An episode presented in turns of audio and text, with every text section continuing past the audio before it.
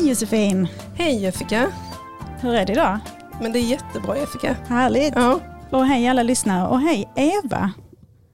Hej! Hej! Vet du vad vi ska, vi pratade ju med dig eh, i förra avsnittet. Eh, så vi ska fortsätta vårt samtal. Så ni som inte har lyssnat eh, på förra avsnittet får göra det först. För nu kommer vi rakt in och fortsätter där vi slutade sist. ja, precis. Hej Eva, säger jag också. Hej!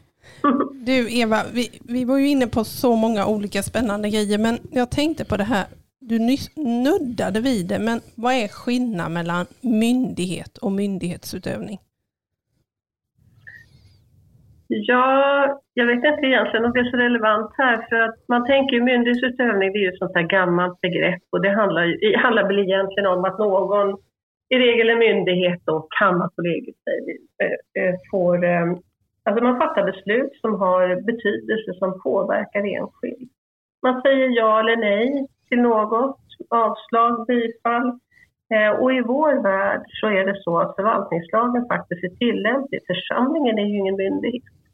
Men man brukar ganska slarvigt säga att man utövar myndighet på ett sätt. För det, det gör man ju. Vi fattar ju beslut som har betydelse för enskilda. Vi antecknar en gravrättsinnehavare, men vi kan också säga att nej, du får inte bli antecknad som gravrättsinnehavare. Och de besluten går att överklaga till Länsstyrelsen. Vi fattar ju väldigt många beslut egentligen i begravningsverksamheten. Vi fattar beslut om flyttning av gravstadsstoft eller aska. Eh, en hel, en hel massa med beslut fattar vi. Ja, man får sätta upp en gravsten eller inte sätta upp en gravsten. Ja, man får ta bort en gravsten. Och eh, alla de här bes- besluten är ju någon typ av myndighetsutövning där, där liksom vårt, vi har makt över enskilda att bestämma över dem, vad de får göra och inte göra i vår verksamhet. Eh, och det gör vi med stöd av eh, lagregler och att vi är försedda att vara huvudman för begravningsverksamheten, församlingen eller pastoratet, eller Stockholm och Tranås kommun för den delen. Eh, och alla våra beslut är ju, går att överklaga till Länsstyrelsen och sen vidare till förvalt- i förvaltningsdomstol. Men man kan för inte man kan säga alltid- myndighetsutövning då, det tycker du är ett för gammalt ord. Så. Alltså jag tycker inte, jag, om jag, nu, nu blottar jag min okunnighet här, men jag undrar om inte det är ett sånt begrepp som man faktiskt försöker utmönstra. Okej. Men det är ändå ett, det är ett sätt, alltså de flesta fattar, okej, ja myndighet, ja då förstår jag, men det är ju när, när någon myndighet, staten, någon bestämmer någonting liksom Mm. Mm. åt oss enskilda. Men det är så att förvaltningslagen som är tillämplig när vi handlägger ärenden mot enskilda i begravnings, enligt begravningslagen, så att den är tillämplig. Och där finns ju massor med regler eh, om hur man ska ja, agera, i, i, låta part få kännedom vad annan part vill, kommunicera, i hur vi ska skriva våra beslut och ja, allt sånt finns ju där. Och det, det är därför vi måste ha koll på den också. Det är inte bara begravningslagen vi ska ha koll på. Nej, vi måste ha koll på förvaltningslagen så att vi kan handlägga våra ärenden.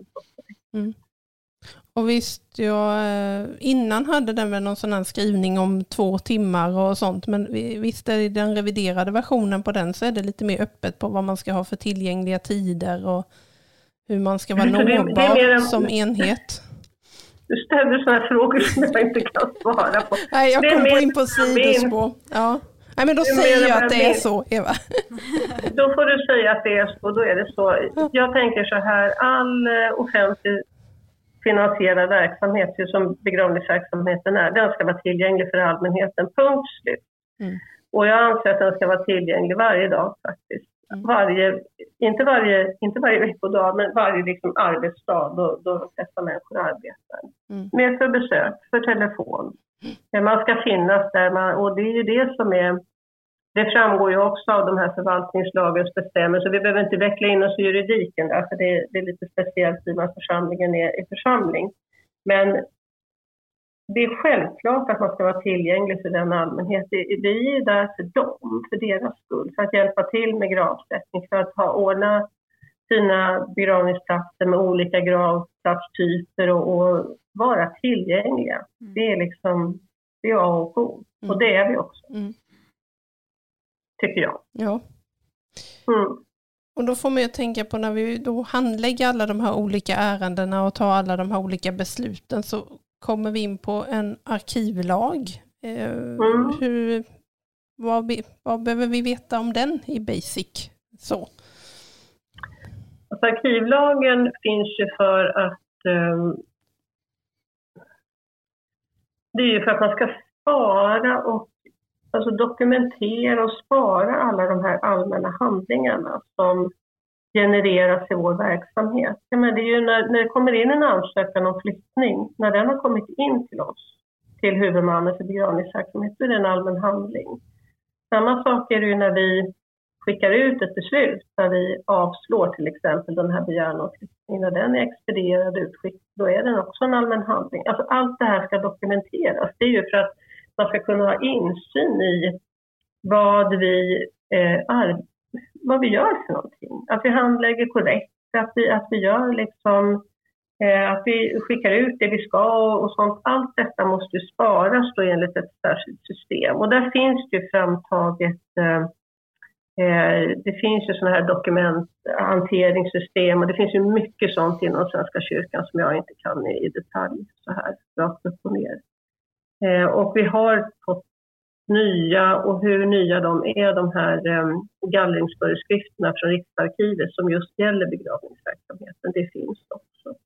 Men det här är ju ganska, alltså det är ganska komplext och svårt och nu är man ju också inne i det här med de digitala handlingarna. Hur hanterar man det?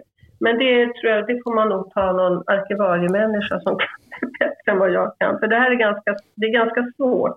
Men tanken är ju att allmänna handlingar ska hållas samlade och ordnade på sådant sätt att man alltid kan ta del av dem. Mm. Om någon kommer och frågar, det här jag begärde flyttning för två år sedan, Mm. kan jag få se er akt?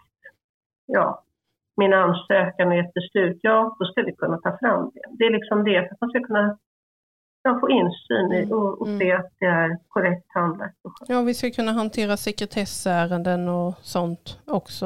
Eh, är det Mm. Mm. Det måste vi kunna. Mm.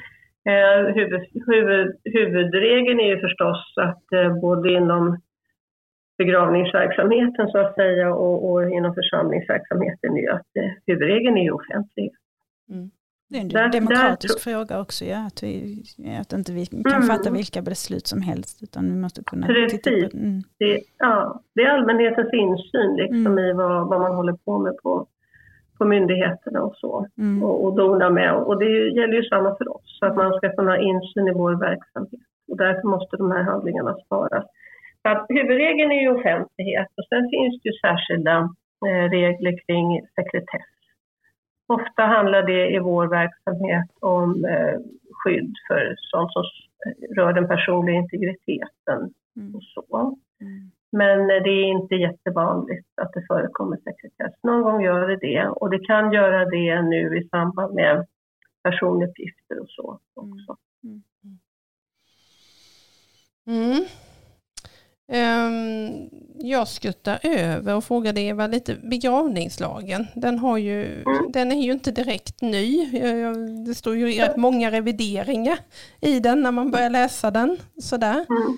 Ehm, vill du ge oss lite historik på den? Jag vet att du nämnde någon grej som är väldigt gammal i begravningslagen också när vi pratade. Alltså vissa bestämmelser är ju, det man kan konstatera med begravningslagen, och det, det vet ju de som jobbar med den som jurister, att den är ju väldigt, i, i i vissa delar är den ju väldigt liksom, heltäckande. Återigen andra delar så fattas ju liksom, man tänker hur, här har vi inte tänkt att det finns någonting utan då är det tomt. Och det finns ju väldigt gamla bestämmelser. En av dem är väl de här förverkande bestämmelserna eh, som eh, om jag inte minns helt fel när jag läste på någon gång så är ju det gammalt från den tiden då några köpte sina gravplatser och, och anlade ganska stora sådana här gravanläggningar och sen så fanns inget intresse eller släkten dog ut och så blev det stående förföljd på kyrkogårdarna. Och då begärde man ju möjlighet att, att liksom förverka de här eh, gravplatserna då. Och det, det finns ju kvar den bestämmelsen, förverkande. Nu talar vi ju mest om vanvård och då talar vi växtlighet, men jag tror att själva bakgrunden till bestämmelsen är ju att man att gravplatsen är övergiven. Den är övergiven och ingen kommer liksom att titta till den längre. Det, det är så. Och det är bakgrunden till den bestämmelse som finns nu. Så att nej, det, är bland, det är väldigt blandad kompost och den är ibland väldigt svår att tillämpa begravningslagen. Och jag tror att det gäller liksom att kunna det runt omkring för att förstå bestämmelserna. Mm. Ja, jag, jag, ska inte säga på något sätt att jag, att jag alltid kan tillämpa den. Det är ju så att det, ibland så vinner man i, i, i sådana här mål i domstol, ibland så gör man det inte. Så att det, det så det går till. Mm. Där sa du något intressant tyckte jag, för att du, vi pratar om vanvårdade och då pratar vi ofta om växtligheten. Men mm. en vanvårdad Alltså en gravvård, en gravsten kan ju också vara mm. vanvårdad. Och mm. Det blir ju egentligen det när den inte är dubbad ordentligt och den sitter löst och, mm. och inte tas om mm. hand som den ska. Mm. Det är också en typ av vanvård. Ja, så jag tänker det också att det, att det är det. Och då, jag, nu vet inte jag om det har prövats, inte så att det har kommit upp i kammarrätt eller så, men det det hade varit intressant att få det prövat, för det skulle ju också kunna innebära att man faktiskt inte man, man sköter inte om den här gravplatsen. Mm. Alltså man, man, har, man har slutat att bry sig om den mm. av olika skäl. Mm. Och det är ju helt naturligt eh. egentligen. Men jag tycker det också. Mm. Det är ju inte alla som kommer på att säga det innan man liksom blir sjuk eller går bort eller eller ja, inte vet jag, att ja, men jag vill inte ha kvar gravplatsen. Mm. Utan man, det kanske bara blir så. Mm. Yes, eh, Eva, när vi pratar om det här med vanvård, då kan man tänka att de här vi provar en massa gravstenar och så skickar vi ut till gravrättsinnehavare att de ska åtgärda gravstenar och så mm. kanske det finns gravrättsinnehavare då som helt enkelt inte återkommer eller inte åtgärdar en osäker gravsten. Mm vågar vi idag säga att det är en form av vanvård? Ja, men det vågar vi väl göra och då, då hamnar vi ju i det här, då måste vi, och då finns det ju faktiskt regler i alla fall i begravningslagen att hålla sig till och då ska vi väl förelägga om att sätta i stånd gravplatsen. De har ett år på sig eh, och händer ingenting då så får man fatta beslut om att, eh, att, den ska anses, ja, att den är förverkad och har upphört. Det är ett sådant beslut som kan överklagas, men det är massor med problem i den handläggningen eftersom den typen av... Det är ju ändå det är ju verkligen det är ju ett ingripande, säg nu det sitter någon, någon stackars innehavare där som inte, ja, av olika skäl inte svarar och sånt där. Så man måste ju se till att, man, att, de, har fått, att de har fått föreläggande. Mm, rekommenderat brev i det läget så att ja, de kvitterar jo, det måste man typ. göra. Mm. Så att det inte är, och sen så finns det säkert massor med skäl till varför man inte gör det. Många kanske hör av sig och säger nej men ja, då vill jag att den ligger ner istället stenen. Ja, men då får man ju ta ställning till det. Så det är inte så enkelt, men säg att det ändå är så att man uppfattar en, ett ointresse någonting, då, då kan man väl försöka sig på ett, ett, eh, ett sådant förverkande ärende. Det tycker jag mm. man ska göra. Mm. Och då skulle kan... de då inte acceptera det så får de överklaga det till Länsstyrelsen ja. helt enkelt. Mm. Mm. Gött. Då är vi solklara på den biten. Så. Mm. Eh, sen tänkte jag på det här begravningslagen att det var väl först 1964 eller 63 som det kom in det här med gravrätt och det försvann det här med allmänna gravplatser mm. eller gravar, allmänna linjen. Eh, mm. Så att vi är ju in, den här lagen vi har nu är version 2 efter det, kan man säga så? Eller blev det en helt ny lag 91? Ja, men den är nog ändå ganska ny, men man fick ju ihop den här gamla gravrättslagen och det finns någon kungörelse och så.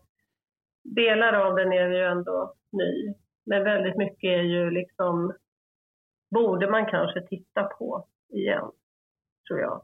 Mm. Det är bara det att det är så mycket så att jag, det är svårt att liksom peka på någonting som är riktigt...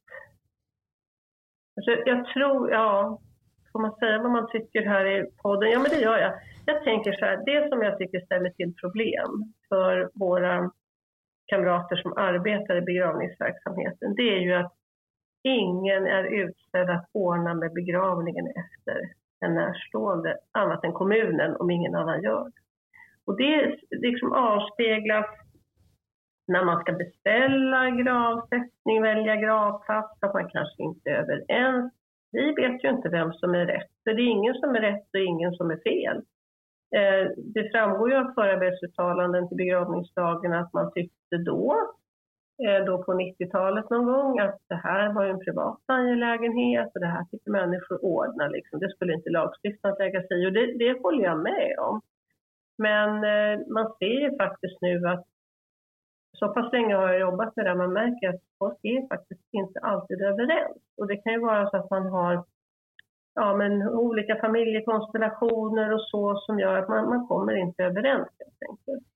Och då är det jättesvårt för oss att veta, det kommer någon dotter och begär, ja men då skulle jag vilja se ut gravplats efter pappa.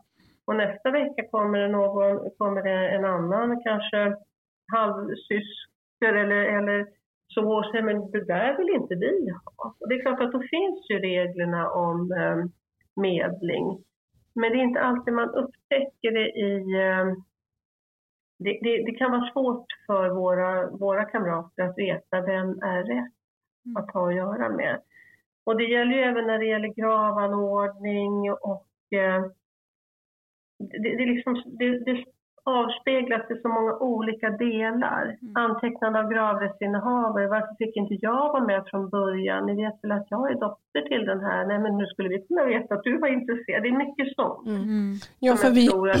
vi har ingen eftersökande skyldighet att kolla ut nej, familjebild nej, och sådana nej, saker. Nej, så, utan det måste komma vet, ifrån.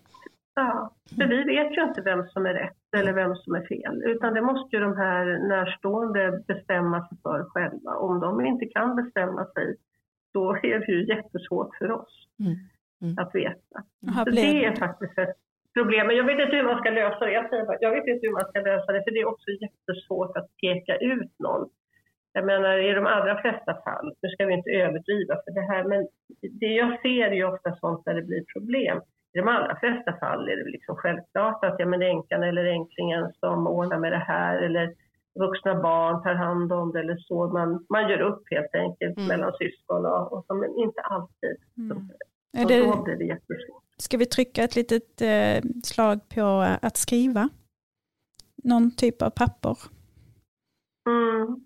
Vad, vad, man vill, vad man har för mm. önskemål med gravsättning och mm. sin begravning. Jo, mm. det, det, och kanske även att man pratar om det i, i familjer. Mm. Så, men det är ju det är ju lätt att säga men sen ska det ju vi är, verkställas. Ja, och vi är så himla duktiga på att prata om förlossningar när vi som har lite små barn.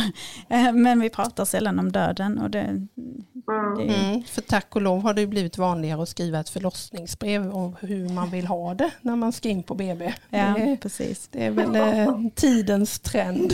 så. Ja. Jo, um, nej men det, jag tror att det är bra att skriva ner hur man vill ha det men sen är ju det ändå upp till dem som kommer efter att vill yeah. de mm. tillmötesgå mm. För det mm. framgår ju av begravningsdagen att man ska ju så vitt möjligt att följa den avlidnes önskan. Mm. Men eh, det är ju upp till dem då som ska ta hand om det hela. Mm. Om de vill följa den där önskan eller om de kommer osams. Eller kanske till och med, som jag några gånger har uppfattat när jag har hjälpt till i sådana här medlingsärenden, att det känns, alltså man, man litar, man, man hör båda parter har så liksom, de har så tydliga berättelser så att ibland har jag funderat över om den avlidne kanske har sagt det som han tror att hans närstående eller hennes närstående önskat att man ska säga. Ja. Därför att det, det är liksom, folk säger nej men så här, så här sa och det var vid det tillfället. Då tänkte jag, nej men det är ju ingen som ljuger om det, utan det, det kanske är så faktiskt att man det kanske, fall mm, Det kanske var obekvämt för den avlidne. Så. Mm, mm, mm. Jag tycker ja. det är intressant att du säger det Eva, för jag, jag tycker likadant. Det är, när jag har dött så har jag dött, men det är ju mina närstående som ska sörja. Och det är hur de vill mm. ha det som är viktigt för mig också ju. Och det blir viktigt för dem också. Mm. så det är inte helt lätt. Nej, det är jättesvåra frågor. Mm. Men så det är ju en sån där sak som man tänker att ja, det där, det, mm, kunde man hitta någon lösning där så vore det väl, vore det väl ganska bra. Så jag, och det tänker jag kanske skulle inte bara vara bra, man, får inte, man måste ju ändå se till liksom huvudmannens roll och det är ju att, att liksom hålla de här begravningsplatserna, se till att vi finns ju där för allmänheten, så det är ju inte vårt bästa som alltid ska stå i fokus, utan men jag tror att det skulle vara ganska skönt för allmänheten också med lite fingervisning om i alla fall att den bör göra någonting. För då, då kanske det blir inte så mycket diskussioner kring det. Och för oss skulle det vara lätt att veta att vi har med rätt person att göra. Mm. Jag bara tänker på det här med både i arvsrätten så finns det ju en turordning och det fanns ju även någon mm. turordning i föräldrabalken på när man ska ta hand om en närstående. Man kanske kunde haft en sån här turordning inskriven mm. men det är klart att det har man då är det åtta stycken syskon så börjar det bli svårt att säga en turordning inom syskonskaran. Mm. Så. Men, mm. Äh, jo. Ja, jag tror faktiskt jag tror inte det där riktigt går att lösa. Nej. Men det, det, ställer till lite, det ställer nog till lite problem. Och sen tycker jag, men det har vi ju redan pratat om i förra avsnittet, det här med gravrätt. Alltså att det, ja, där skulle det behövas, där tycker jag faktiskt att man kunde hitta någon typ av bestämmelse, åtminstone när det gäller nyupplåtelse. Mm. Mm. Därför att eh, annars så, det som, det som, det, som, som har blivit nu, det är ju att den som först kommer farandes till oss och beställer och bokar och har, så den, den vinner. Det mm. känns mm. Mm. mm. Det är lite läskigt mm. att det är så.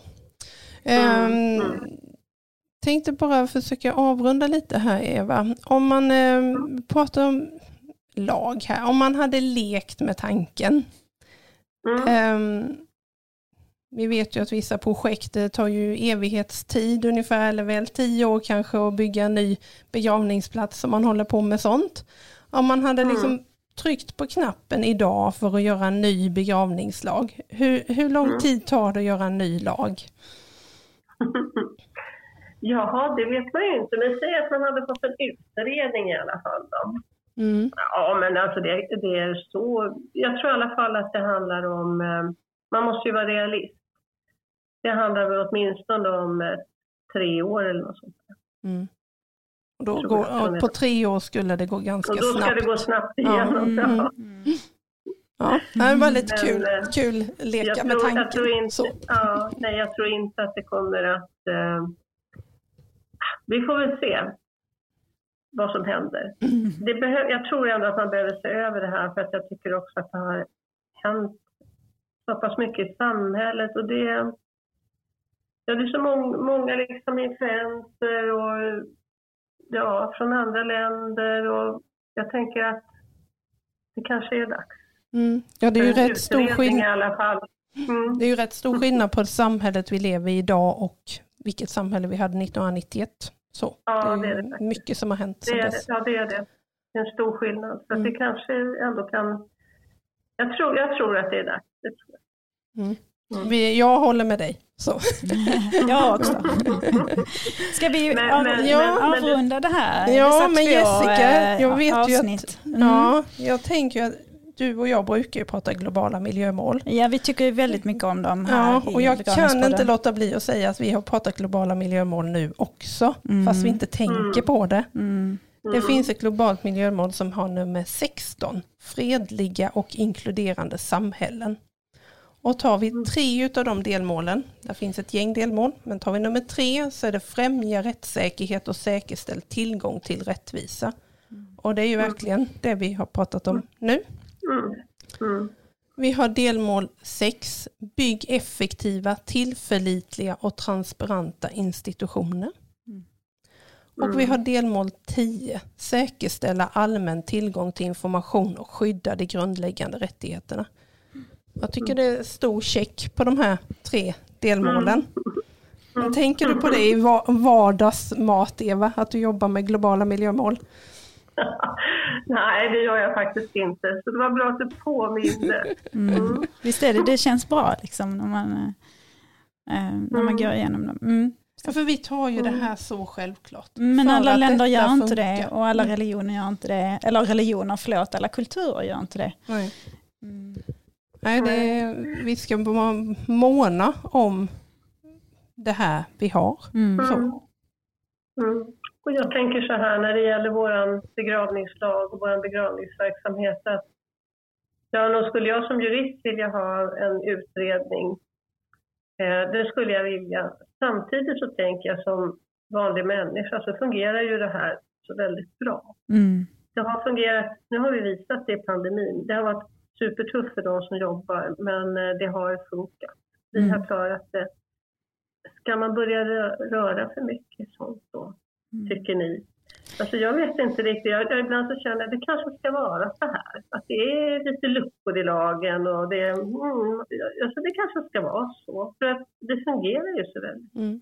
Och det är ju väldigt bra att tänka efter Ja. och se allt allting funkar. För ofta så vill vi ju springa framåt Mm. hela tiden. Men Mm. ibland är det ju Mm. verkligen som du säger att det här funkar ju och vi har ju enormt många som har gjort, löst det här Mm. fantastiskt Mm. bra. Mm. Sen får ju inte utvecklingen stå fram, stå, stå eh, stilla.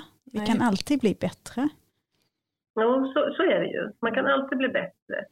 Men frågan är om, om liksom lagstiftningen, jag tycker att den borde, jag, jag, jag tycker det skulle till en utredning samtidigt är jag, nej det funkar bra.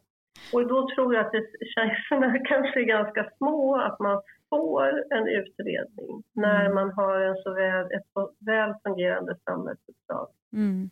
Mm. För det bara funkar. Ni som lyssnar får gärna höra av er, vad tycker ni? Ska vi, Mm. ska vi eh, ha en utredning? Behöver begravningslagen ändras? Eller så kommer det till dig Eva när du har de här olika samtalen i vår. Precis, exakt. Ja. Ja, vi tackar dig enormt för att du har varit med oss här i två avsnitt. Och jag hoppas att ni Tack. lyssnare har lärt er jättemycket. Det är Tack superintressant. själva, det var jättekul att få vara med. Mm. Kul. Tack Då så säger mycket. vi tack och hej. Ja, hej då.